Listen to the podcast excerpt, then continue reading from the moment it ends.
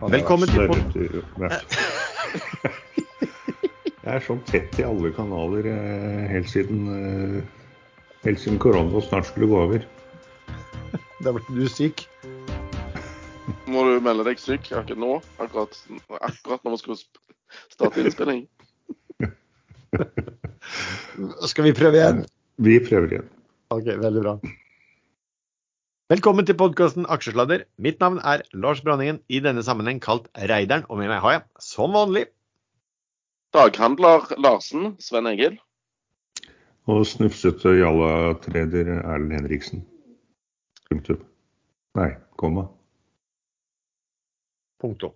Punktum. Eh, vi må jo ta en disclaimer. Vi gir ingen råd dersom du hører på hva vi sier her om markedet, aksjer, enkeltaksjer og livet for øvrig. er ansvaret helt og holdent ditt eget. Når vi spiller inn programmet, så kan det forekomme feil i det vi sier. Panelet og panelets gjester kan være lang, kort, direkte eller indirekte eksponert i aksjer, selskaper og produkter som omtales i programmet. Og NB, her gis det ingen investeringsanbefalinger. OK, eh, skal vi starte som vanlig. Sven, eh, hva, hva, har du gjort i uken som har gått? Jeg kan bare oppsummere bare at siden eh, sist eh, uke så er hovedindeksen siste så opp eh, drøye 1% og vi er opp ca. 1,5% siden nyttår. Hva har du gjort, Sven?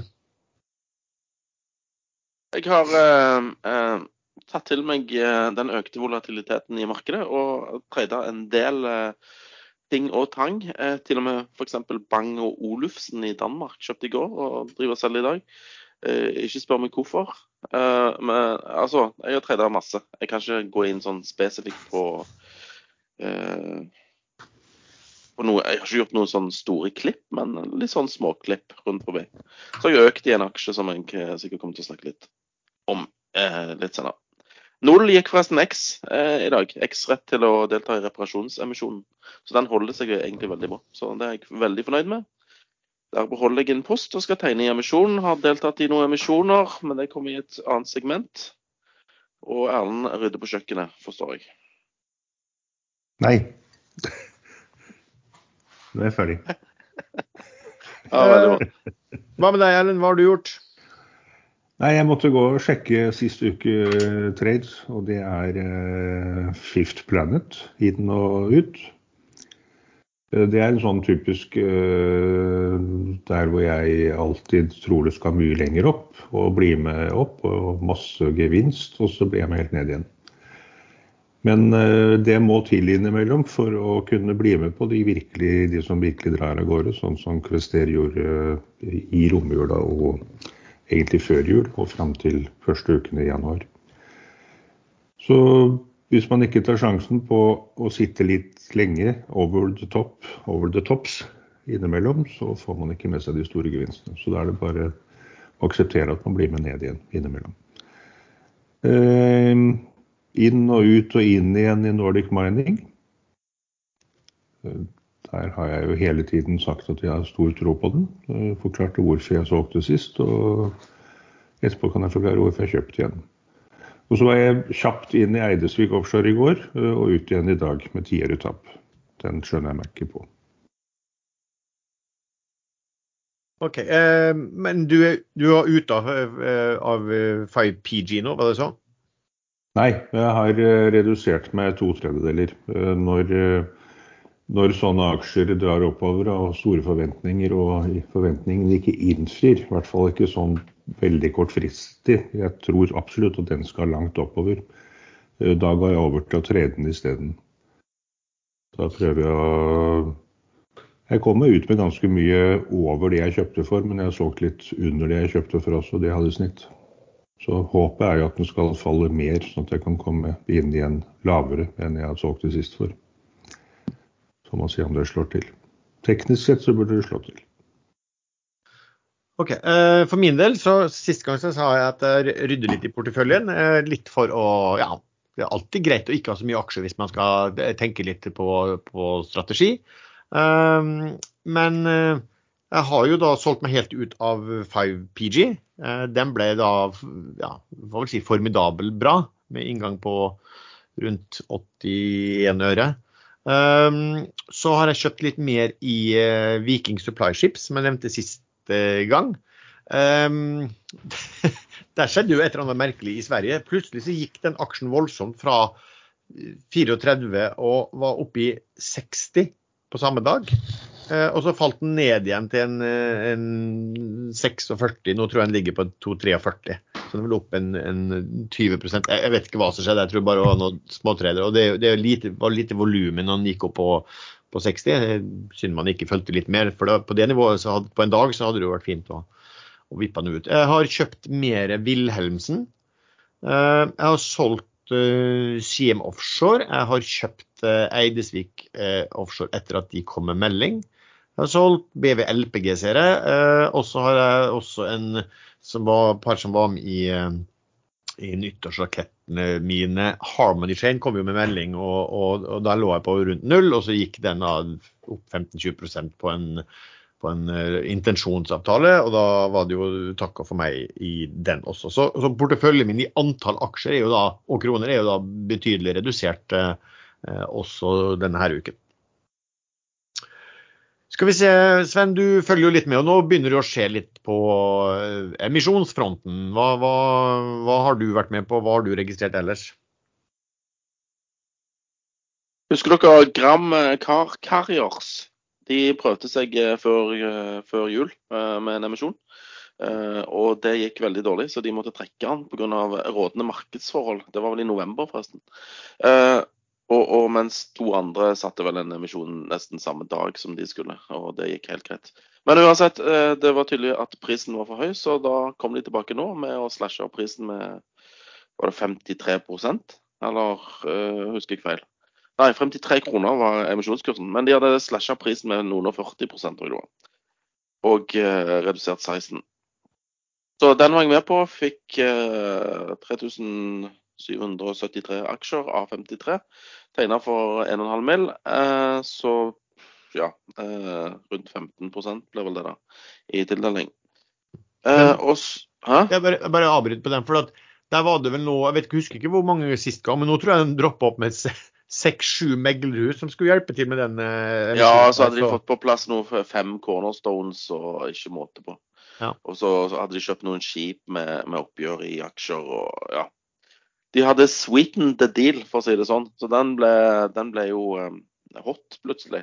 Ja, Pluss at, plus at jeg, jeg, jeg, burde kanskje vært med på den sjøl òg, men fordi at uh, car carriers, altså biltransport, er jo regna for å være, bli et ganske hot område nå utover i i 2022 også. Og, og Valenius Wilhelmsen har jo gått, gått, veldig bra på børsen i det siste. Ja, var du ferdig med å avbryte nå? Ja. Jeg bare hjalp ja, deg litt. Ja, takk for det. det er veldig bra. Utfyllende. Det tror jeg alle setter pris på. Men uh, Og så var det Green uh, Faen er det de heter, da? GEG. Hva heter de? Green Energy Group? Gamle Specs. Seabird. Gamle Seabird, ja. Altså, eh, det er vel fortsatt bare Seabird pluss en eierandel i Green Minerals. Eh, er det ikke det? Det er ikke noe annet grønt der? Nei, det er vel, nei, det er vel fordi de vil fokusere seg på Jeg tror de heter Green Energy Group, sånn offisielt. Ah, OK. Hva var det jeg sa? Ja, jeg hørte du sa det. Kan jeg bare ta en liten digresjon der, en avbryte deg før du har begynt? Eh, jeg sjekket på TradingView, eh, fantastisk fin nettsted for å lage chart og se gammel kursutvikling. Eh, Seabird Exploration, gamle SPX, kom på børs i april 2006. Et par år etterpå var kursen oppe i nå må dere holde dere fast, tilsvarende Nå, nå satt en emisjon på 2,25. Eh, litt etter at den kom på børs, så var kursen oppe i 39 710 000. Tilsvarende korrigert for alle spleiser og splitter og emisjoner og alt. Så de som kjøpte på topp der, for, eh, gikk inn og kjøpte én aksje for 39 millioner kroner, de har da tapt uh, alt, kan man vel si. Ja, tenk å få Tenk å få shorta på 39 millioner. Ja, bare, det skulle, det skulle... bare 100 aksjer, liksom. jo, men du hadde bare tjent 100% Det er jo samme hvor du tjener 100% Sven. Ja vel. Um, ja, eh, de satte en emisjon i går via Fearnley. Uh, skulle hente opptil 30 millioner til uh, generelle selskapsformål, uh, sto det i, i beskrivelsen. Jeg uh, la meg i boka her på 1,50, og så kom det en guiding på Da hadde ble satt mellom 2 og 2,50, så da gikk jeg opp til 2. Ikke et øre mer, men ble gjort på 2,25 da. Og nå er jeg på 2,30, eh, så skulle nok vært med der og, og fått noen øre, men det, jeg var litt for kjip. Men de klarte bare hjem til 14 av de 30 de sa de skulle. Gjorde de det? Nei, han ble fulltegna. Det er 14 millioner aksjer var det kanskje. Ja. Multiple times oversubscribed, sto det i eh, meldingen. Så da regner jeg med at de klarte å hente 30. Men da må man kanskje nevne hva kursen var dagen før. da. 360 før uh, børsstenging. 368, ja. Ikke sant? Det er jo helt Ja, 40. sinnssyk rabatt. Ja, 40% rabatt da på eh, sluttkurs for å få satt emisjonen. ja. Nei, det er helt fantastisk. Bra, bra jobba i det selskapet nok en gang. Det tar vel ikke så lang tid før de må hente mer penger, tipper jeg da. Men nå, nå skulle de selge en båt òg, så da får de enda litt mer penger inn. Er det lov da å si at den meldingen om at de kanskje skal selge en båt, kom litt strategisk plassert rett inn i emisjonen, så de som tegnet seg, skulle få lyst til å tegne seg? Det kan godt være, men eh, eh, hadde det ikke stått noe, så lurer jeg på hva emisjonskursen hadde blitt da. Tanken, har jo, tank, tanken slo meg eller når, jeg, når jeg leste dette, her, og at, og at ofte kan kanskje man si at timingen kunne jo eventuelt vært selgebåt, så gjøre emisjon, eh, for å ha det klart. Men, men det er jo ikke så lett. altså Det går jo ikke sånn kjempefort å selge den type båter hvis du ikke har interessent på det akkurat der og da. Men skulle de solgt båt, eller hadde de fått solgt båten, så hadde de jo ikke trengt å hente penger. Mest sannsynlig. Nei, altså, det er rart med noen selskap. Det, når det først går dårlig, så spiller det ingen rolle hvor mange som kommer inn og kaster ut den gamle ledelsen og overtar. og Det virker som at det bare fortsetter. En gang for noen år siden da Sibjørn hentet eh, penger, da klarte de vel faktisk å skrive i et emisjonsprospektet at de skulle få en kjempeavtale borte i USA. Den avtalen har de ennå ikke fått. Det har jo vært, altså Seismikk og stål, seismikk generelt, det har jo vært elendig i mange år. Og, og seismikk, når du samtidig er ståleier, da, altså skipseier, har jo ikke vært noe dans på roser, for å si det, for å si det mildt. Eh, hva andre ting, Sven, i, eh, utenom de du har vært eller har du sett i det markedet? Nei, det er vel, ja, det er vel bare sånne tegningsrettsemisjoner som pågår for øyeblikket. Flyr, annet. Eh, Og så kom vel Observe Medical med at de òg skulle hente noe penger. Den har jeg ikke fulgt med på, så den kan jeg ikke. Nei, de, skal, de, skal gjøre, de gjør et stort oppkjøp, og så skal de hente Jeg husker ikke hvor mye penger de skulle hente. og Det, den, det skal være en garantert fortrinnsrett, hvis jeg husker det riktig. Um, Norway Royal Salmon kommer også med emisjon. Den kan vi snakke litt om bare litt etterpå. Uh, og så har E.ON gått inn i Horizon Energy. Det er jo en virkelig storfugl å få inn som, um, som betydelig eier. Og da har jo den kursen der gått noe voldsomt i, på den nyheten også. Ja, og så En israelitt har gått inn i Play Magnus Group eh, og kjøpt eh, emittert fått emittert aksjer til overkurs. Ja, og det var jo litt spesielt, for kursen, jeg husker ikke hva kursen altså, Tok ikke han på rundt 18 kroner, mens kursen lå på 13. 13-14, eller? Jo, jo. Ja, tydelig tegn på at han har for mye penger. Ja. Men eh, kan det være litt sånn eh, familiært eh, Magnus Carlsen-navnet som denne israelitten gjerne vil ha i porteføljen sin? Sånn image-greier? Kunne bare kjøpt aksjer på børsen, da. Ja, men jeg tror det er noe, ja, men jeg, altså det her er en veldig eh, stor aktør som har vært med i veldig kjente teknologiselskaper. Så det sto at han normalt sett, altså hvis det ikke er liksom minst 50 millioner dollar eh, det er snakk om, så er det helt uinteressant. Men han er da tydeligvis eh, en fan av sjakkfan og fan av, av Magnus Carlsen også, så det er vel kanskje litt å kjøpe seg litt, ja.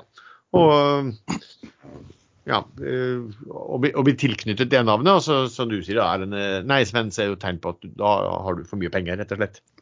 Sven, vi har jo snakket en del om eh, dette med han eh, Gåsø og alt dette her som skjedde rundt NTS og bud på NRS, der NRS-aksjonærene med god grunn kan ha følt seg litt bondefanget og og rett og slett noen føler seg sikkert rett og slett lurt også, ved å ikke få utnytte at, å, å, å ta det budet på 240 kroner. Nå har kursen falt da rundt omkring ned mot 160 eller noe sånt, kanskje har steget den for det nå. Men uh, nå kom det melding om uh, noe som kanskje en del vil si en uh, ny smell for de gjenblivende aksjonærene i Norway Royal Salmon.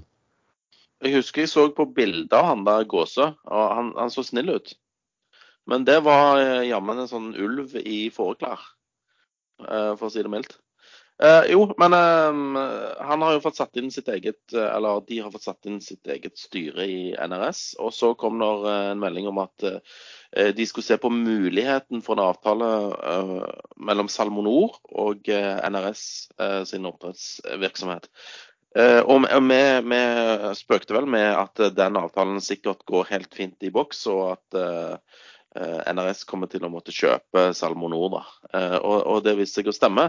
Men i tillegg så må jo NRS hente penger i markedet for å finansiere dette oppkjøpet. Og det virker jo som at de som da ikke klarte å, å signere eh, eller akseptere tilbudskursen i tide, de har drept så skikkelig på draget at det er godt gjort. Og han, eller Gåsø og gjengen, de det virker ikke som de eier skam heller. De bare durer på, og, og NRS faller, og de bare ler hele veien til banken. Jeg vet ikke om det er din oppfatning. Du hadde vel aksjer i NRS, du, og, og trodde han var snill? Ja, jeg hadde vel sånn som du, at vi får oss spekulert i eh, sånn og sånn? Spekuler, jeg vil, jeg vil ikke bruke det ordet spekulerte. Uh, nei, så Det var vel sånn, sånn, inn og ut der, og har vel egentlig vært i to ganger. Og begge gangene er det vel ut med uh, rundt uh, null på det. Det ene var, det var jo faktisk fint at den ene, selv om det ikke hadde betydd så mye kroner, da, det var jo en av de som jeg rydda opp rundt, rundt nyttår også. der jeg bare solgte ut det jeg hadde. Nei, bare, men bare for å ta en sånn liten, liten recap, som ikke, det som ikke husker det, var at her var det jo også NTS som hadde lagt inn et bud på Norway Royal Salmon på 240 kroner.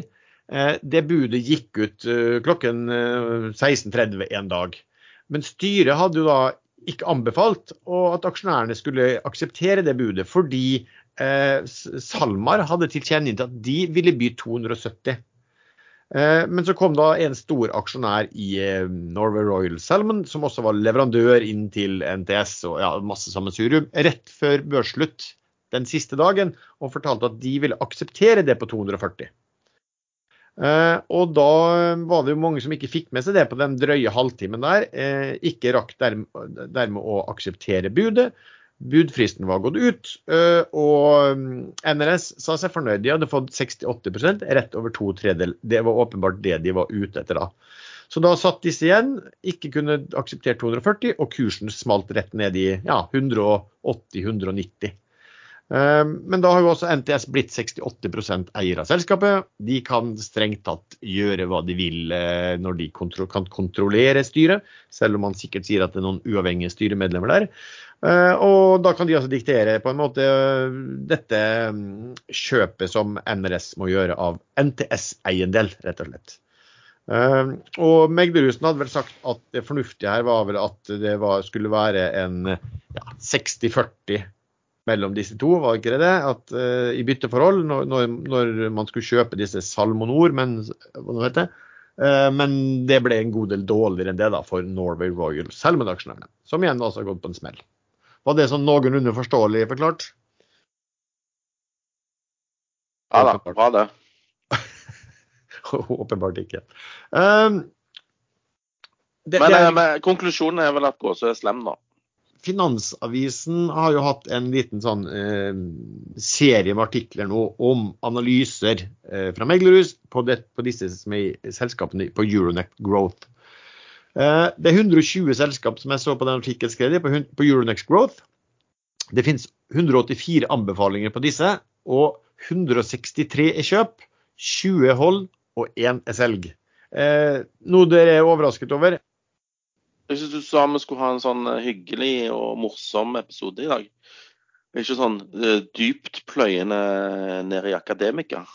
Nei, men nå kan, få, nå kan, jo du få hamre litt løs, for eh, da kan jeg dra videre hvis du vil ha det som er litt Det er jo at han Ole Petter Kjerkred, som er altså en kjent investor og tidligere vært analysesjef i ABG, Han kaller disse analysene eh, systematisk og vilne.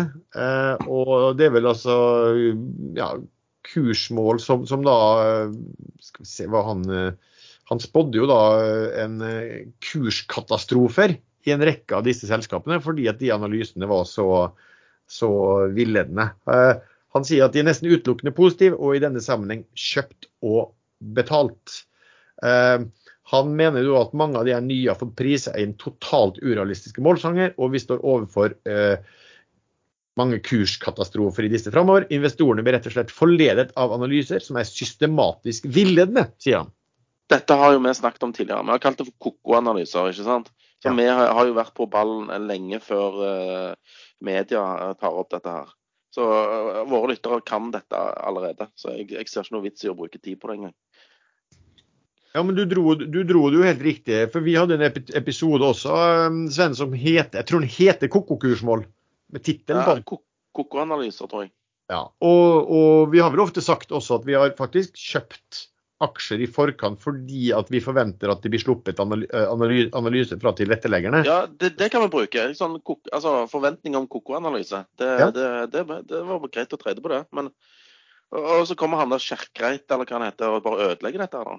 Skal han uh, Nei, nå holdt jeg på å si noe slemt, da. Uh, nei. Holdt på, holdt på å si noe slemt. ja, det skulle tatt seg ut. Han derre. Men du, du, du, du syns ikke du kanskje nedvurderer lytterne våre, da, hvis du antar at de ikke har forstått det når vi kaller det for koko-analyser, eller koko-kursmål? Jo, jo, selvfølgelig. De, de, alle vet jo dette. Så dette er en selvfølgelighet som er bare men det var ingen i media som hadde tatt det opp, og vi ser jo på oss sjøl som media, gjør vi ikke det? Jo, det. Den, den gråeste delen av media. På skyggesiden. skyggesiden. Ja. Nei, eh, nei, eh, men eh, jeg, jeg leste òg disse artiklene i Finansavisen. Og, og, og, en av de som eh, Jeg husker ikke hvem det var, men det var en, eh, en ansatt i et meglerhus som sa eh, nei, da blir alle sure hvis vi tar og setter dårlige kursmål og, og, dårlige anbefalinger. Og det vil de ikke ha noe av. Investoren blir sure, klienten blir sure. Altså, de vil ikke såre noen liksom, med å sette dårlige anbefalinger. Og det forstår jeg veldig godt. Og så ser ja, vi jo nå... Det gir et veldig godt inntrykk av bransjen generelt, at de tar sånne hensyn. Ja. ja, men altså, Vi som har vært, vært, med litt her, vi vet jo at dette er gjennomsyra bullshit-opplegg. Alt er jo bare bullshit. Inklusive det vi sier? Nei, vi setter jo fingeren på bullshitet. Ja, men da føler jeg at jeg må øh, være, forsvare de som blir mobbet her. Eh, analysen er jo stort sett bra, men det er kursmålene som er helt ko-ko. I hvert fall Blue Sky-kursmålene. De er verre enn mine. Ja, det, for det er faktisk et poeng. Erlend. En del av de, altså At de har begynt med det, med det å kalle ting for Blue Sky-kursmål, det er også helt nøttete. ikke sant? Eh, det er jo bare å finne en kiosk i Oslo, eh, og så finner du Blue Sky hvis hele byen finner ut at den selger de beste pølsene eller burgerne i hele i byen, hva er Blue Sky da?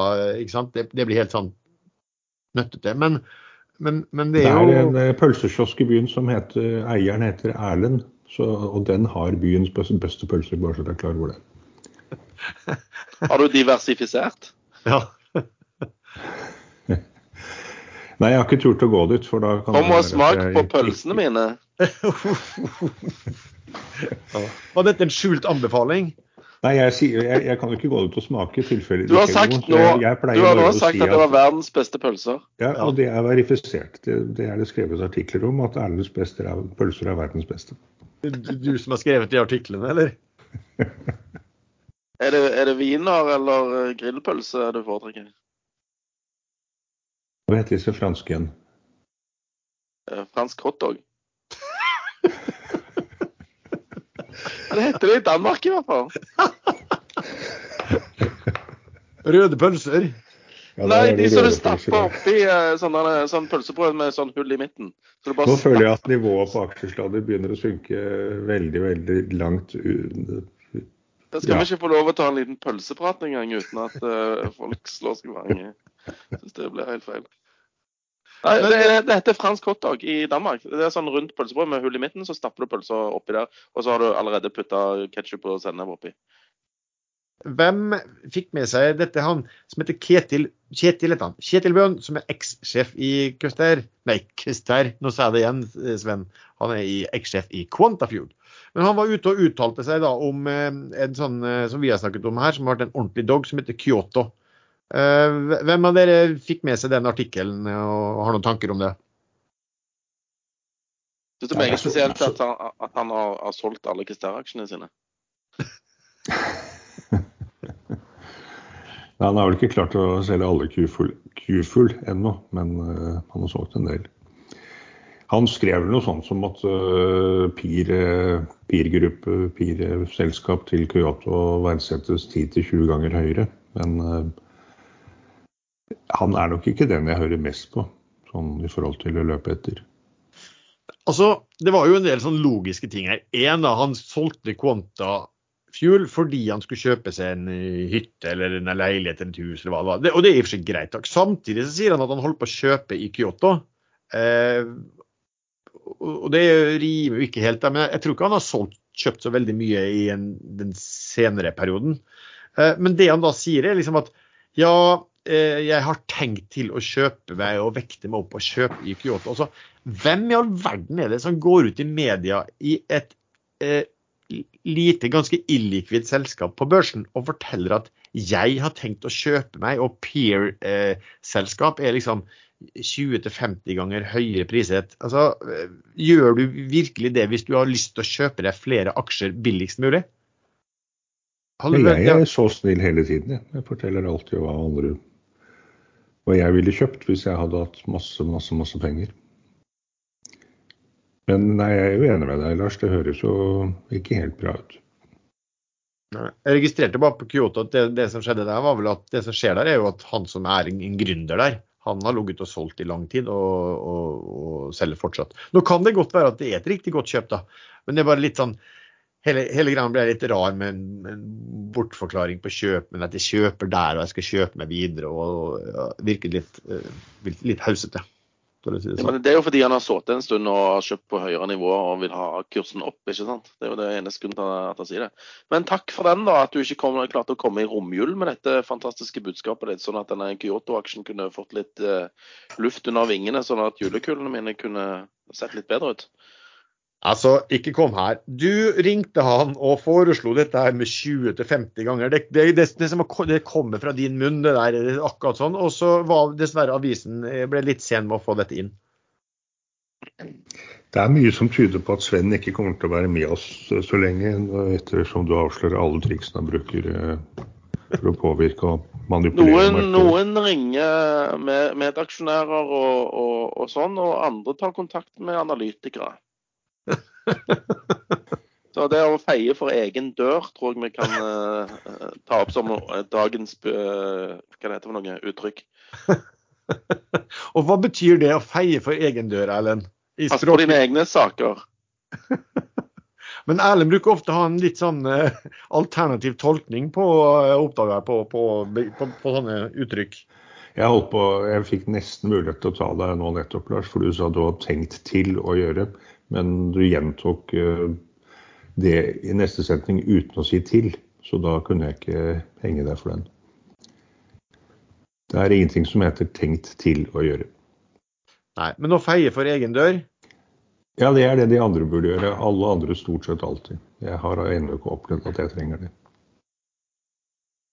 Eh, Altså Solstad Offshore vi får det spørsmål om. Den har gått bra på børsen i det siste. Erlend, har du noen sånne kommentarer til, eh, til hva som skjer der? Ja. Sånn Hovedproblemet til Solstad Offshore er jo at de ennå ikke har noe lang kontrakt på Maximus, så den ligger jo der.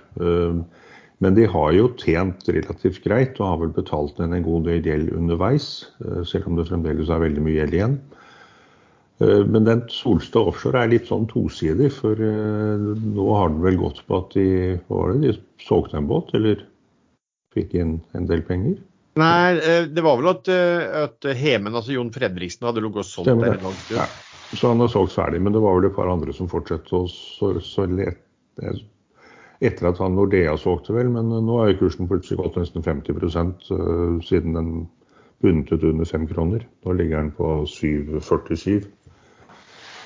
Eh, jeg burde jo kanskje ha tenkt litt lenger enn jeg har gjort. fordi hvis det blir en ny rekonstruksjon, eh, hvis det er enden på visa med å få løst problemet rundt Maximus, eh, så er det jo et vakuumcase med en gang, for det tar jo tid å få gjennomført. Så, så sånn sett så kan man kanskje si at oppsiden er vesentlig enklere enn nedsiden akkurat nå. Den kan jo gå hvor som helst. Den har jo en stor tilhengerskare, da, og oljeservice er vel litt mer i, en del mer i skuddet. Og, og, generelt sett så har disse eh, offshore-rederiene gått bra eh, i en periode. Eh, men da kan vi ta Det har, det har kanskje sammenheng med et sånt stort oppsiktsvekkende salg som kom denne uken. Det var Eidesvik Offshore som solgte et fartøy med da en gevinst på 390 millioner kroner. Det de skrev, når de, når de, de skrev ikke hva, hva salgssummen var, men de skrev at dette innebar at én Først så måtte de skrive opp eh, verdien på fartøyet med 240 millioner, som de skal gjøre nå i Q4. Og så måtte de ta ytterligere 150 millioner i salgsgevinst eh, når båten ble levert til kjøper. Eh, og det, det, interessante med det 390 millioner kroner er jo at det er jo langt mer enn hva selskapet er priset til på børsen. Det utgjør 6 kroner og 30 øre per aksje. Eh, så kom det en artikkel med Finansavisen, i Finansavisen hvor de sa at denne båten var verdsatt i regnskapene i 2020 til 770 millioner. Uh, og, og, selskapet har jo ikke skrevet noe særlig ned uh, i, i, 2021, så, så, her har du liksom fort en, over 1,1 millioner kroner da, i salgssum for, det, eh, for den båten, eh, mot da total gjeld i det selskapet på ca. 1,7 milliarder. Men det som ikke framkommer, da, det er jo Nå, nå, nå, nå, nå må du spole tilbake. Nå sa ja. du million, og så sa du milliard. Ja. På hva da? Salgssummen var 1,1 million kroner. Å oh, ja. Nei, ca. 1,1 milliard. Beklager. Um, men det man ikke vet her, da, er jo selvfølgelig hvor stor del av hva skal du si, um, resultatene både nå og i framtiden har man antatt at denne båten uh, ville utgjøre. Men klart, hvis du selger noen ting, altså hvis du ligger på prisbok på en 0,7 eller et eller annet som dette selskapet lå, og så selger du en, en, en stor eierandel til langt over bokført uh, verdi, så var det jo, og, og, og, gevinsten er mer, er mer, enn hva du har i aksjekurs. Så, så ja, de fikk jo mer enn halvert av prisbok på dette her. Og det har jo, altså Den salgssummen der virket så oppsiktsvekkende eh, at den har dratt opp eh, også de andre eh, offshoreselskapene. Um, offshore-rederiselskapene. For da begynner man å tenke at mark markedet er bra. Og, men, men ja. det, dette er jo ikke et ordinært offshore-fartøy. Dette er jo en CSV. og, og rosinen i, i, i pølsa til Eiof, da så betyr ikke at liksom, PSV-en og ankerhåndteringsfartøyene plutselig er mye mer verdt. For dette her er et som er spesialkonstruksjonsskip som er veldig bra utstyrt. Og veldig stort, forsto jeg også. Veldig stort, ja, veldig stort, veldig stort i forhold til konkurrerende skip. Ja. En, en sånn, nesten en Maximus. Det, det, minte meg jo litt om den gangen uh, Viking Supply Ships gjorde et uh, kjøp, selv om det her ikke var i samme størrelsesorden, for det var jo bare helt vanvittig. Du, du, mener et salg? Et salg. Ja. Går fort i dag. Uh, ja, de gjorde et salg, og, og, da var jo det en helt enorm uh, gevinst på det. det, var, det var, gevinsten var så stor at vi lurte på om de hadde skrevet feil den gangen, at, uh, at det skulle være salgssum i svenske kroner og, og, ikke, og ikke, i dollar. Men når de gjorde det, det var litt sånn tilsvarende at da var også det en sånn spesiell situasjon og spesielle fartøy. Det ga ingen utslag på verdiene til, til de andre, egentlig. Det var ikke noe sånn tegn på at prisingen generelt gikk opp. Så det vil jo Ja, vi får se. Nei, Det var, det var, det var kyst, uh, Kystvakten i Canada som måtte løse et kortsiktig problem med at de ikke hadde nok isbrytere. Og så hadde jo uh, Viking Supply Ships uh, altså store ankerhåndteringsfartøy med isbrytingskapabilitet. Så det var jo flaks, rett og slett. Ja, var, og, og, og, aksjekursen gikk jo sånn 500 på, på, på meldingen.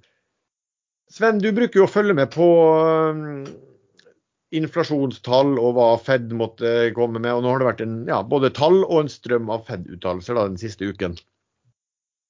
Ja, inflasjonstallene de eh, innfrir, eh, og vel så det. Altså De kommer bitte litt over eh, konsensus hele tiden. Men Fed har jo tatt tak i dette her. og Powell ble jo sverga inn som ny sjef, altså fikk forlenga sin periode i, som sjef for Federal Reserve. Eh, hvorpå han nå måtte svare på uh, vanskelige spørsmål og uh, sa at dette har vi kontroll på. Vi kan gjøre sånn og sånn. Vi kan slutte med, med, de kvantitative lettelsene og sette opp rentene. Det er våre virkemidler. Først stoppe, altså redusere kjøpene, og så trekke litt ut av balansen, og så sette opp renten. Eh, og Markedet reagerte med lettelse når de fikk høre at uh, Powell hadde kontroll på dette. her, eh, Så det virket ikke som inflasjonen var så farlig likevel. Så får vi se da om den er litt sånn sticky og ikke transitory. Nå har de i hvert fall gått bort fra transitory, at den er midlertidig. Så nå virker det som at alle er enige om at renta må opp. Og det tok sin tid. Men ja, det, det blir spennende å se det, hvor lenge denne inflasjonen varer, og hvor lenge disse flaskehalsene i, eh, i, supply chain eh, vedvarer. Mm. Det, du, det kom jo inflasjonstall også. Husker du hva headline var på de?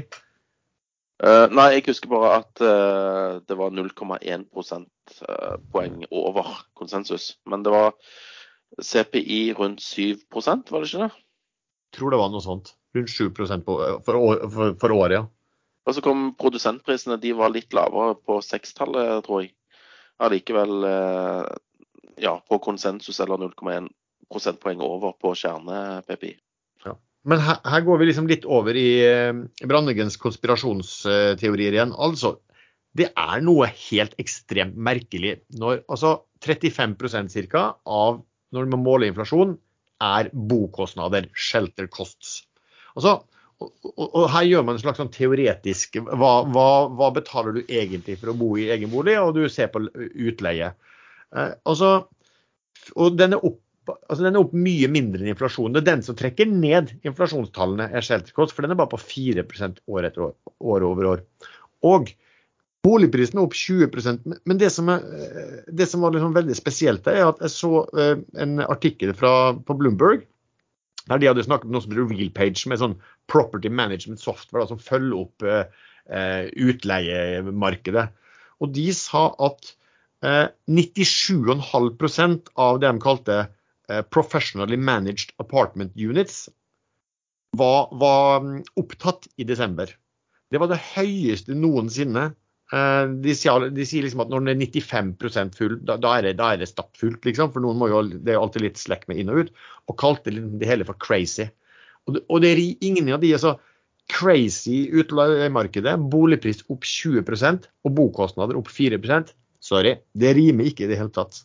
Um, og det er jo noen som sier at den kan du komme til å se utover, uh, utover neste år. da, At den begynner å skyte fart uh, oppover, mens kanskje de andre tingene faller ned. Vi får se.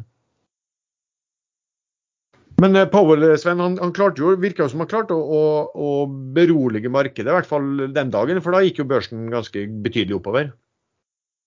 Det er jo teknologiaksjene som da tar uh, nytte av at renta ikke skal mye opp. For han sa jo at vi kommer nok til å være i et lavrentemiljø lenge.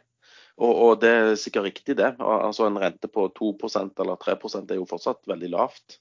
Så jeg tror nok han har rett i det. Men det er mm. forskjell på 0 og 3 liksom. Mm. I hvert fall eh, når det gjelder fremtidige inntekter og neddiskontering. Ja. Men, men, hva sa han om, om det verdipapirkjøpene, som også har drevet veldig mye av markedet? Ja, de, ja, Han ville stoppe med det. Men, men, sa han noe tidspunkt på det? Jeg fikk ikke helt med meg hva Nei, det husker jeg ikke. Jeg tror det var mars det var snakk om. Ja. Det var sikkert ikke dramatisk, siden eh, markedet likte det han hadde å, å si. Nei, men så skylder det jo på at markedet falt, altså spesielt Nasdaq falt på dette her når de fikk tenkt seg om i går, da.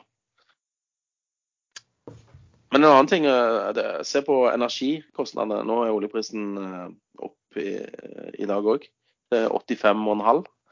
Eh, men heldigvis så er jo energipriser utenfor kjerneinflasjonen, så da går vel det òg bra. Ja, det gjelder jo bare å få mest mulig utenfor fjern inflasjon. Etter hvert. Det har vært forsøkt før i, ja, ja, ja. i Fed. Definere bort mer og mer, men det også. Um, vi har fått et spørsmål da, om uh, hva som skjer i Kester. Erlend, hva, er det noe nytt der siden, siden Vi snakka jo om en del av det sist gang. Er det noe nytt der?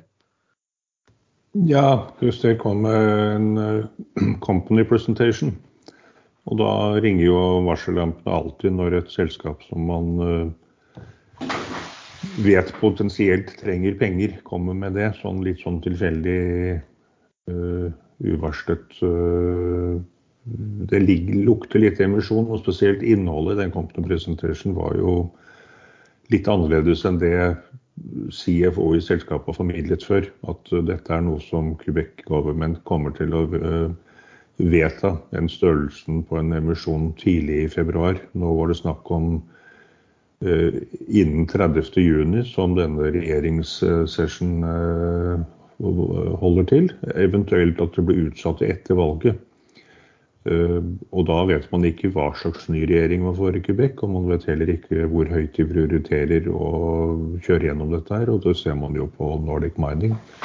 Når uh, Venstres gamle næringsminister ikke fikk eh, kjørt gjennom klagesaken i, i den forrige regjeringen, så, så, tar det tid før en ny regjering eh, prioriterer sånne relativt små saker. Det har gått et halvt år eh, siden hun kunne gjort det, før den gamle regjeringen tapte valget. Og nå, nå, ligger det nok i kortene at det kommer snart på Nordic Mining, men skjer det samme i Kvester, så tar det et års tid års tid før man vet noe i det hele tatt.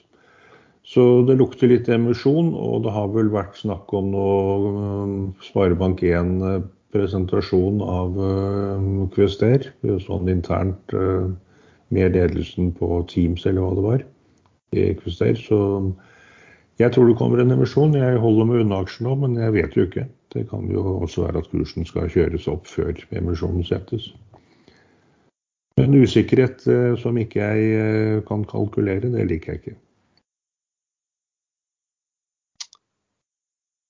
Ok, um, skal vi se Et annet spørsmål. Vi, vi, var jo kort inne på det, men det var altså um, Fifth Planet Games. Uh, det var hva, hva, hva syns du Erlend, om den presentasjonen? For vi snakket jo mye om at uh, en trigger her som mange så fram mot, var den investor call som skulle holdes, og som ble holdt da i denne uken. Nei, sånn ut fra egen lommebok så er jeg skikkelig misfornøyd. For jeg kunne jo uh, fortalt at vi har i dag vedtatt å, å kjøre fem uh, nye spill inn i, inn i, Fifth Planet Games. Og Metaverse og CryptoCoins og Skybox og hele pakka. Men det, det skjedde ikke. Skybox ble ikke nevnt. Som er en partner som Skybond, som er den store nyeieren i Fifth Planet. Også har. Eh, men de sa at de skal i løpet av året skal de kjøre to til fire spill inn i Fish Planet Games, og senere eh, fire til seks hvert eneste år. Og da begynner man å snakke litt inntekter, selv om det sannsynligvis ikke er mer enn uh, mellom tre og fem-seks millioner kroner i, det, i årlig inntekt per spill. Uh, det, er liksom, det er ikke milliarder man tjener på mobilspill. Eh, men det spillet de sannsynligvis kjører inn først, som heter eh, Hva var det for noe? Nummer Ice. Eh, det er et spill hvor hver gang man blunker, så blir man flyttet på i tid og sted og universet. Og det har fått noen sinnssyke kritikker. Det er en som det ligger på topp 40 på, på spillvurdering noensinne på det mest kjente stedet. Nå skulle Erlend Arne vært der, for han husker alle sånne navn. Så 98 eh, positive vurderinger av 6000 eller noe sånt, og det er helt ekstremt. Og de som har sett på spillet, de sier at det, det er veldig bra. Så da får man plutselig noen inntekter inn i First Planet, og det kommer flere spill hvert eneste år. Og de skal også kjøre hele pakka med distribusjon av fysiske spill og og alle andre effekter som et sånt spill-gaming-selskap kan uh, selge på nett og i spillene. Og så akkurat en artikkel nå lagt ut i Fish Planet Games-kanalen, hvor uh, Morgan Stanley anslår markedet for digitale klær til 50 milliarder dollar i løpet av 2030. Har dere kjøpt mange digitale klær allerede? Ja, har ikke du? Nei, jeg er ikke så nøye på klær i det hele Du, tatt. nei, du, det var det jeg mente. Du, du sitter jo ganske uten klær når vi spiller. Ty, ty, tydeligvis. Og da hadde du kanskje tatt med deg litt digitale klær? Kanskje det Jo, men det er Jeg, jeg, sånn, bestiller ofte på dressmann.no, eh, hvis det var det du mente. men når, når vi kommer på Metaverse, vi skal jo da selvfølgelig aksjesladder skal inn på Metaverse og kjøpe oss og bli stor eiendomsspekulant og, og kjøpe noen egne barer og ha live presentasjon på Metaverse. Da kommer jeg fremdeles ikke til å være noen god kunde på klær. Så, men der syns det kanskje hva man har på seg og ikke. Tenkte du vi kunne legge opp en sånn der du kunne kjøpe Erlends klær digi, i digital form? Det, er jo- det, Ja, det ble jeg ikke rik av, da. Det snakker om keisernes nye klær, liksom. Ja, Digitale pølser, Erlend. der tror jeg du kunne ja der, der, der skal jeg Erlends pølser. Metaverse. Det blir suksess. Suksess. Nei, suksess. Entrik- Entrecôte. Nei. Jo, entrecôte, ja. Men uh, bern, ikke Bernet. Bearnés. Så Erlends pølser med bearnés, det blir bra. Ja, sausen til pølsen, eller kommer sausen, kommer sausen etterpå? Ok. Gå gjerne inn på ekstrainvestor.com og meld deg på som mottaker av nyhetsbrevet Børsekstra, sammen med over 18 000 andre investorer. I løpet av 2021 så har vi sendt ut over 5,4 millioner e-mailer, og i, i slutten av året så hadde vi en åpningsprosent, dvs. Si antallet som åpner mail per dag, på 50, over 56 Børsekstra er en oppsamling av relevante dagsnyheter fra media og meglerhusene, samt også noen uunngåelige stikk fra redaktøren. Det er gratis å motta Børsekstra, men vi har også en premiumversjon som sendes ut tidligere på dagen for de som eh, betaler for det. Som sagt, går du inn på ekstrainvestor.com og finner eh, Børsekstra, så kan du legge inn din e-mail der. Vi fikk nylig forslag fra et medlem om man ikke kunne poste lengre analyser eller artikler eh, på ekstrainvestors side. Eh, Det hadde vi allerede god funksjonalitet for, og har derfor satt opp en dedikert eh, side på, under ekstrainvestor.com som heter Analyser nyheter. Førstemann ut la ut sin analyse i denne uken, og hadde flere tusen lesere på det. Vi kommer til å markedsføre de som eh, blir lagt ut, eh, også på, i, i Børsekstra, altså nyhetsmailen, og også ellers på Ekstrainvestors chat og børsforum på Facebook. Så dette er noe som eh, bør tiltrekke seg eh, svært mange lesere. Ta gjerne kontakt hvis du har en analyse eller beskrivelse eller vurdering eller artikler som du har lyst til å eh, legge ut. Vi må komme oss videre eh, til noe annet. Eh, Finanstilsynet hadde et eh, webinar i uken som gikk litt på, på, på nye regler og hva man skulle tenke liksom, om dette med markedsmanipulasjon og det å gi anbefalinger. Kanskje bra for, lytterne å høre hva, hva de liksom snakker når de snakker om markedsmanipulasjon. Hva, hva er det? Og Da har de noen punkter på det. Det er altså hvis du sprer uriktige eller villedende opplysninger, hvis du sprer opplysninger om kursen på aksjen eller tilbudet etterspørselen på aksjen, vil, jeg vil anta at det er sånn eh, jeg vet at noen er short eh, og de skal, de skal inn, eller et eller annet sånt. Nyheter, rykter eller andre opplysninger som man vet eller bør vite er uriktig eller villedende. Og, ikke, og det gjelder egentlig alle som, som sprer dette her på noe som helst sted på internett, uansett hvor mange som måtte høre på det, så lenge det er tilgjengelig. Ja. Det er også da forbudt. Uh, men så hadde de også en, en om, hva, om hva er en investeringsanbefaling. Uh, og det har jo alltid vært sånn litt vanskelig tema. Uh, for hva er det? Men, men det de sier er vel egentlig at eh, altså den, det er å gi informasjon med en anbefaling eller forslag til en investeringsstrategi som gjelder én eller flere aksjer eller selskaper. Og der, Her er en del regler da, hvis du gjør det, hva du må eh, oppgi eh, om deg selv, eh, bl.a. virkelig navn og litt sånt der. Eh, hvis du skal si at liksom, aksje A vil gå opp, løp og kjøp, da er det en uttrykkelig anbefaling. Eh, og da skal du faktisk oppgi ditt virkelige navn eh, når du, eh, når du skriver noe sånt. Men det som er lov å gjøre, er Du har ikke lov å skrive det hele tatt. Du har lov å si, si, eller skrive at du tror, at du selv har kjøpt fordi du tror den skal gå kraftig. Du? Kan garantere, du kan ikke garantere en oppgang. Nei, ikke sant. Men, og, og, du kan heller ikke anbefale noen å, å gjøre noe. Det du kan derimot si at Um, sånn som vi, vi, også snakker om, er jo at uh, du har kjøpt den aksjen der, uh, og forklarer litt, uh, litt hvorfor man har kjøpt det på, på Ja. Det kan, det, kan, det kan, man gjøre. selvfølgelig må man kunne fortelle, fortelle hva man har kjøpt og, og, og, hvorfor man har kjøpt det. Men det må ikke inneholde noe som tilsier at det er en, det er en anbefaling eller forslag til, til andre. Men i stad så sa jeg at jeg uh, syns det er mye tegn på at det kommer en emisjon i Equister. Uh, og jeg tror det kan ta lang tid uh, før det kommer noen avgjørelse. det er lov. Men hvis jeg hadde ligget short og sagt at det kommer garantert en emisjon, og det kommer garantert at det er lang tid, da er man langt over grenseland. Ja, da hadde du vært nødt, hvert fall, du burde jo i hvert fall presisert hva du Altså, du har jo ikke gitt noen anbefaling eller, eller forslag ut ifra det. Men det er klart, det hadde jo vært litt bra hvis du hadde fortalt hvilken posisjon du hadde. Ja, når når da du presiserer jeg det nå. Jeg har per, per PT ingen posisjon i Kuster.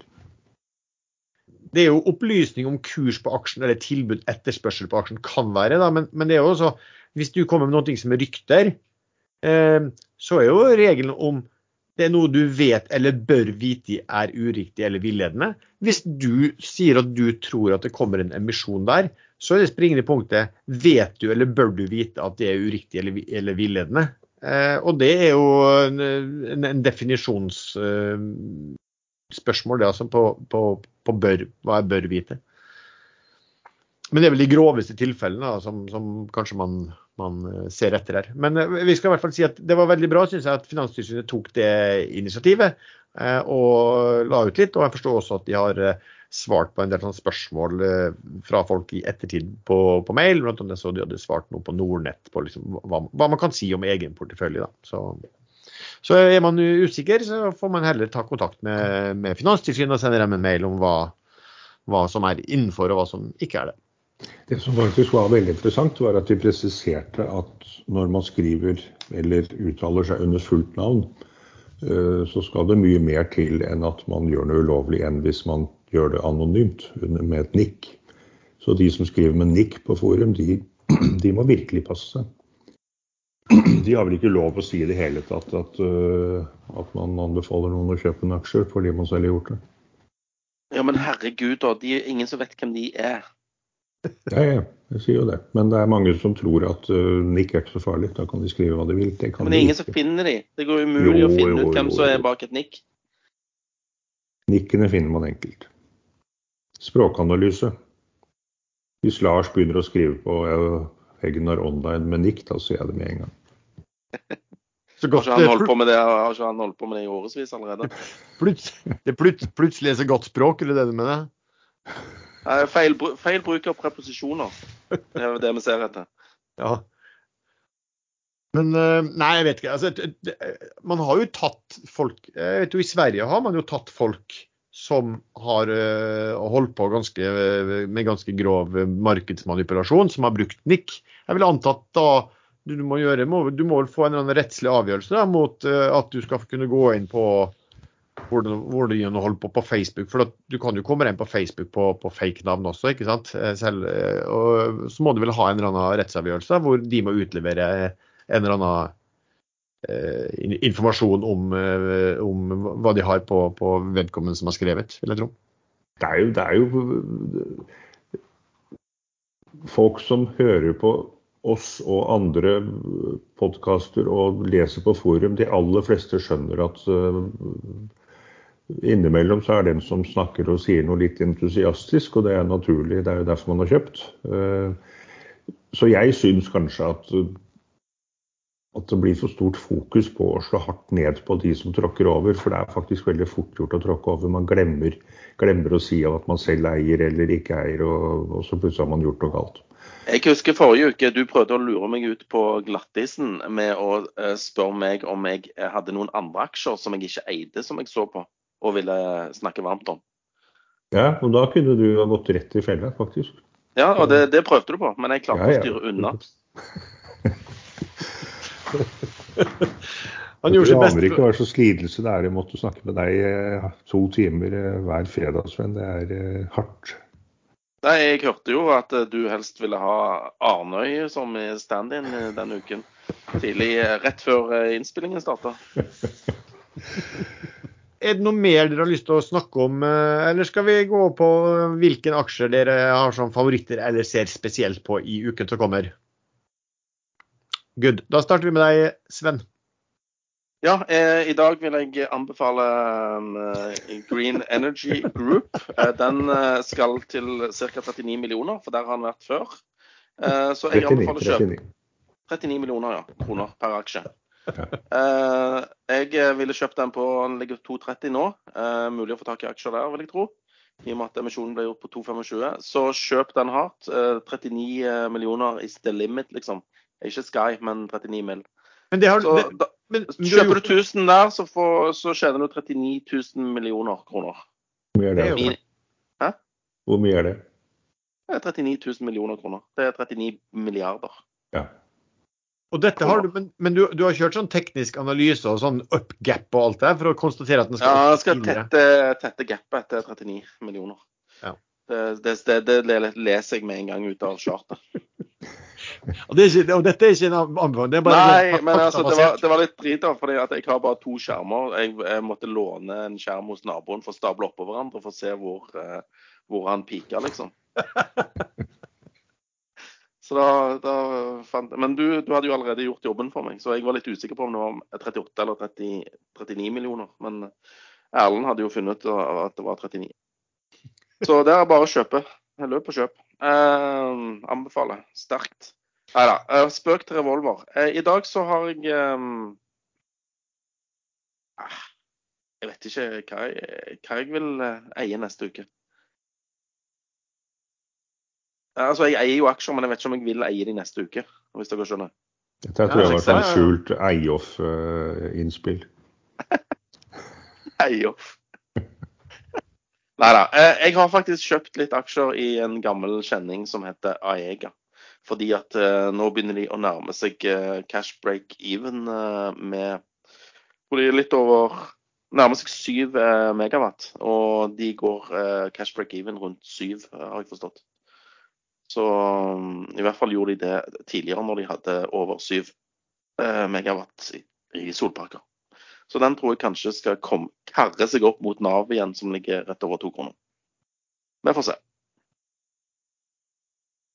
Ellers har jeg òg kjøpt eh, ja, BV Offshore. Jeg liker disse kvalitets-offshore-navnene type BV Offshore, type um, TGS. Eh, kanskje òg Axo, selv om det er litt sånn jeg syns den er litt treigere. Uh, og så Subsea 7 liker jeg òg i dette miljøet her. Når, når, oljeprisen bare fortsetter å tikke og tikke oppover. Det, må, det er så underinvestert der ute at uh, jeg tror det blir god gang i offshore uh, en god stund framover. Få en sånn supersykkel innen offshore, tror jeg. Men det trodde man jo allerede i 2015 da oljeprisen begynte å gå opp igjen etter at den falt, at nå kom det supersykkel og seismikk skulle være det første, men det har jo ennå ikke slått til. Nei, men prisen gikk jo ikke opp noe særlig, da. Og holdt seg ikke der, i hvert fall. Nei, nå gjør, vil den gjøre det nå? Nei, men, men, nå snakker vi ja, men vi snakker så mange år med underinvesteringer at uh, det, det er en grense og verden trenger mer og mer energi. Og snart så blir det eh, etterspurt mer enn 100 millioner eh, fat olje per dag. Noe du er smertelig klar over vil skje. Veldig smertelig, ja. Da taper jeg eh, tre kasser vin. Jeg skjønte det ble helt stille, så jeg skjønte at dere begge to er veldig lei dere på mine vegne. Jeg har faktisk hele tre aksjer i porteføljen nå. Men den ene det er denne Doffen, Doffen som aldri dauer. Og der har jeg flere ganger sagt at der kan jo bankene når som helst slå dem konkurs, for de er negativ egenkapital, og bankene har vel den muligheten. Men så er det jo denne gruppen da, som har tatt negativ kontroll i hvert fall i selskapet. Eier over 33% Budplikt har de vel neppe, for de er ikke så knyttet sammen. Men de, det er kanskje litt sånn på kanten. De påstår at de skal stemme sammen. Og da er det vel egentlig en gruppe og burde egentlig legge inn bud på alle aksjene. Men uansett, de, de, mener det. Jeg har ikke så veldig stor tro på det, men noen sjanser må man ta i livet. Så nå har jeg tatt en liten post der, men den kan vippe ut den i dag eller i morgen hvis den går 10 der. er, ser absolutt ikke bort fra at banker eller andre kreditorer sier at dette gidder vi ikke mer. De har holdt på i over to år uten å, å finne en løsning.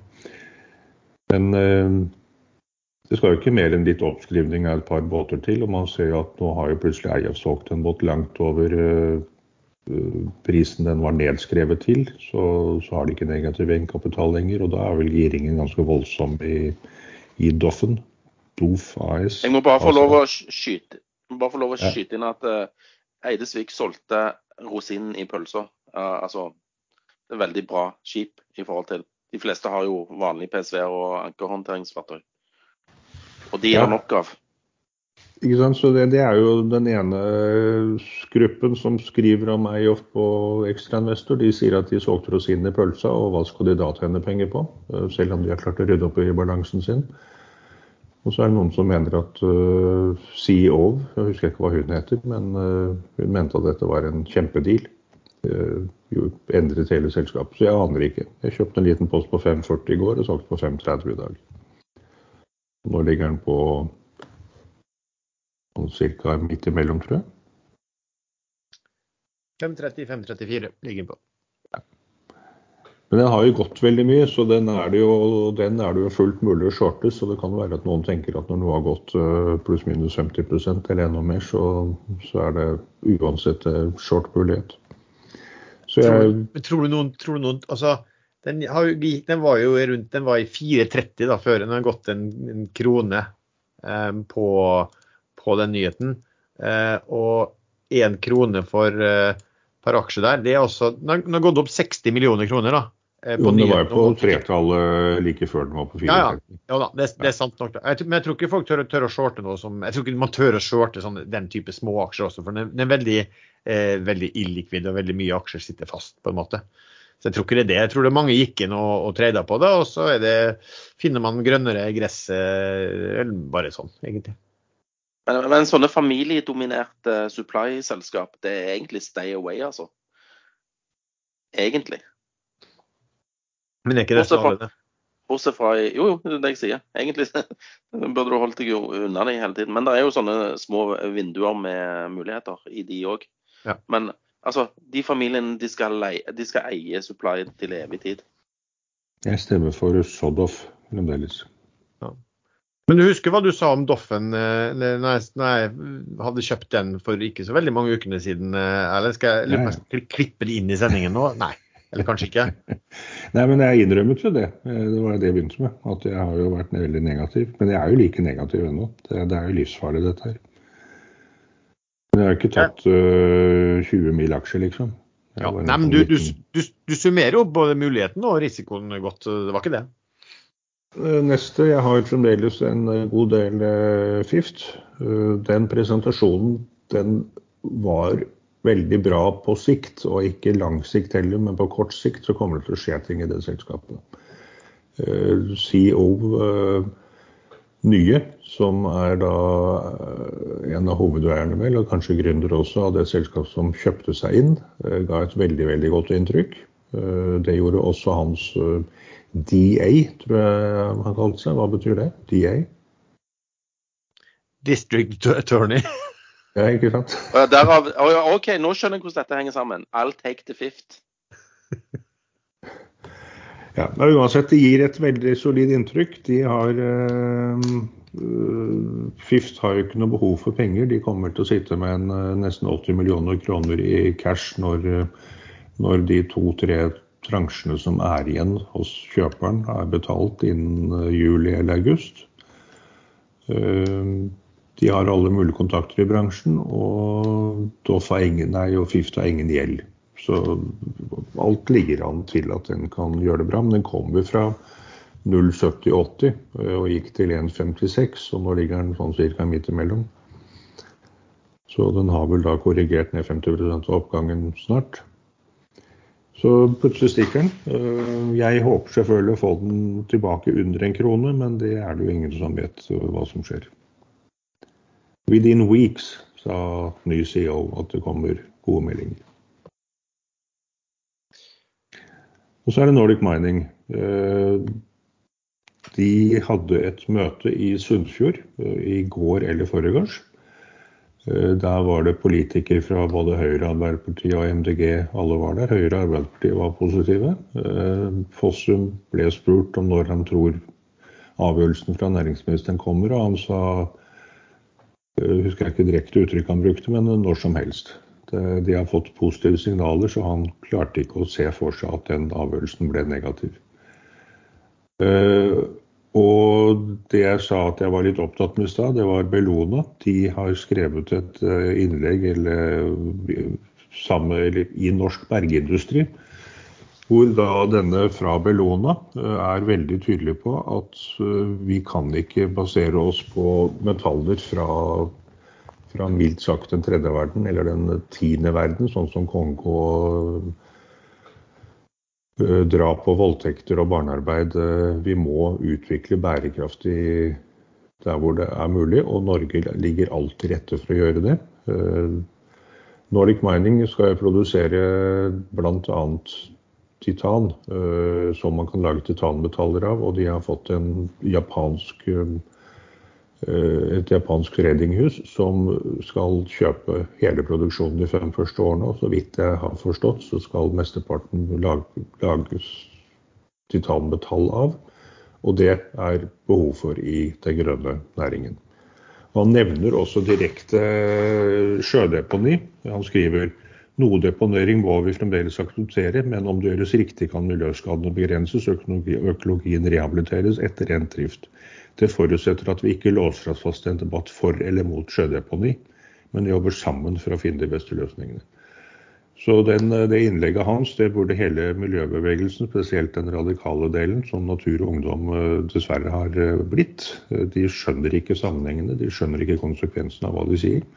Og hvis de nekter sjødeponi, så må det bli landdeponi. Og der har Bellona selv for mange år siden vært med på å presse gjennom at det ble landdeponi istedenfor sjødeponi, og det har nå fått store, alvorlige miljøkonsekvenser. Landdeponi lekker. Demningene kan briste. Det har vi sett til og med i Ungarn for noen år siden. Der var en demning som brast. De som bor på nedsiden av sånne demninger som brister, de dør. Sjødeponi 400 meters dyp, eh, opp til 300 meters dyp er det vel når det er ferdig. Det, der ligger det helt i ro. Det påvirker ikke fiske, påvirker absolutt ingenting. Og det er store muligheter for at man i løpet av eh, levetiden kan bruke disse massene til produksjon av andre ting, eller til overdekning av giftige masser andre steder. Og det viser jo hvor lite giftige disse massene er, når det faktisk eh, er mulig å bruke disse massene som det. Så ikke kall det giftig avfall. Det er, har ikke noe med giftig avfall i det hele tatt. Det er overskuddsmasser fra gruvedrift. Det er det samme som at man graver en tunnel i fjellet og dumper steinmassene og grusen som blir til overs i sjøen ved siden av. Dette gjøres hele tiden overalt i hele Norge. Det er helt minimalt med tilsetningsstoffer som uh, kommer ut i, ut i sjødeponi. Sånn, det var dagens rant mot uh, den radikale delen av miljøbevegelsen igjen. Martin Melvær i Bellona er det som skrev dette her.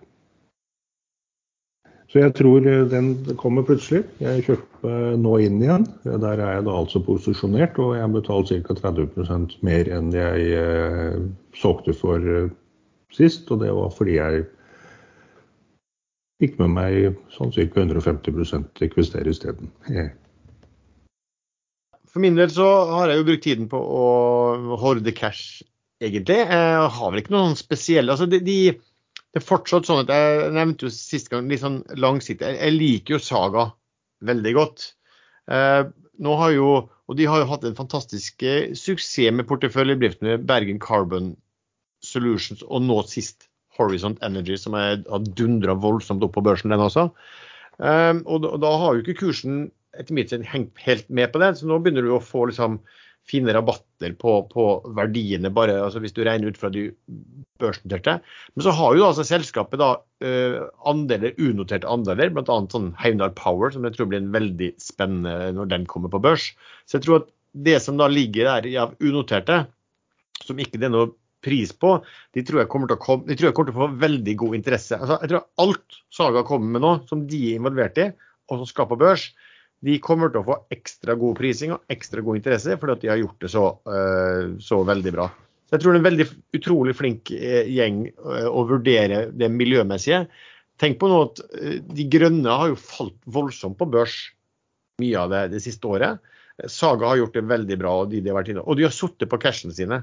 Så det er klart at når, når noen kommer til de eh, nå, og det kan jo være en del børsnoterte, og spør om de vil investere, så er den cashen de, de, de hadde for eh, et år siden, det, de er på en måte mye mer verdt i forhold til hva, hva, de kan kjøpe av selskapsandeler i dag.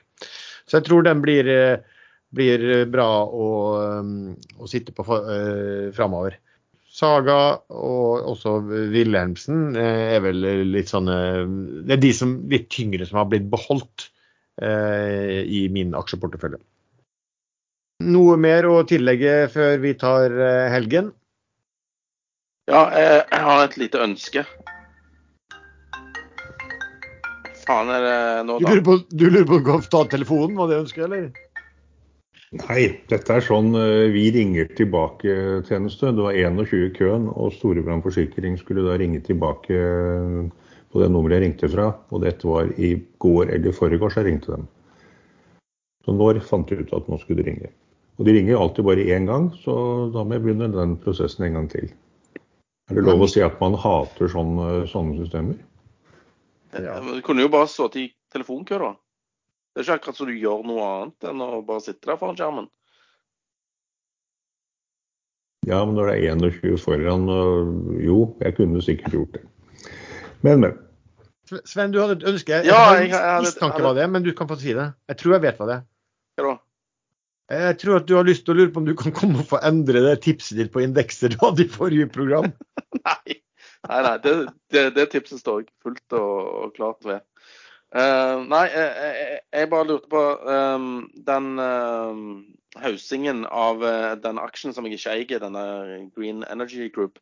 Om du kunne anonymisere meg i det innslaget ved å stemme forvrenge, forvrenge stemmen min akkurat mens jeg snakker om den, sånn at ingen skjønner at det er meg.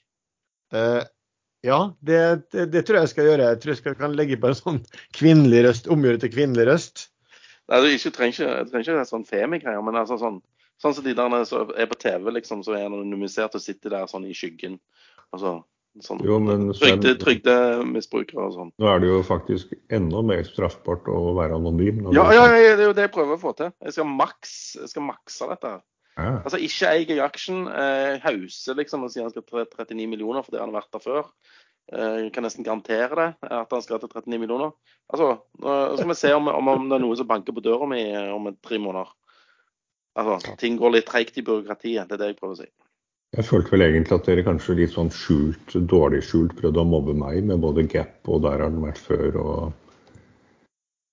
Det var ikke, det, var ikke det dere gjorde? Nei. Nei, Nei, jeg prøver bare å bli tiltalt for markedsmanipulasjon. Det gikk jo bra, det gikk jo bra sist gang. Ja. Melde, du kan melde deg frivillig etter programmet. Ja. Kom og hent meg. Ja. Ja. jeg tror nok at eh, det, Vi har ganske mange lyttere, Sven, så jeg regner med at en og annen uh, anmeldelse eh, kom jo. Det var jo en del også den gangen vi satt Finanstilsynet hadde besluttet å, av, å, å, å avskilte aksjesladder. Og vi ba de sende klager til Finanstilsynet, så fikk de jo noen mailer de også, den gangen også. Ja, men Da var det 1. april, Lars. Det, det var det. Ja. ja det er 14. desember? Nei, 14. januar i dag. Bra, bra Sven. Du har kontroll. Eh, men da takker vi deg, til deg som har lyttet på denne episoden. Eh, vi tre finnes stadig vekk inne på chatten på Ekstrainvestor. Vi har også en gruppe på Facebook som heter podkasten Aksjesladder. Musikken er som vanlig laget av sjazz.com, og vi høres snart igjen. Ja, vi og vi. Ikke Sven. Får man ikke lov til å ha med seg sånn mikrofon og sånn inni, i, inn varetekten? inn i varetekten. Men jeg, jeg lærte noe faktisk eh, på det der Alle mot alle-quiz-showet. Det er at eh, det er ikke straffbart å rømme fra varetektsfengsling. Ja, det er sant. Det, det er ikke straffbart. Ja, det kan bli morsomt, altså. Nå holdt jeg på å si har du, har du, vet du hvordan du ser ut inni glattcelle, om du klarer å rømme derfra, men da ville jo folk trodd at jeg hadde sittet på glattcelle, så det var bra jeg ikke sa det. Nei, men hver gang jeg har vært der, så husker jeg ingenting. Like overraska hver gang. Ja, jeg husker ingenting. Men det var helst da jeg var litt yngre, da. Men jeg husker fortsatt ingenting nå. Eller,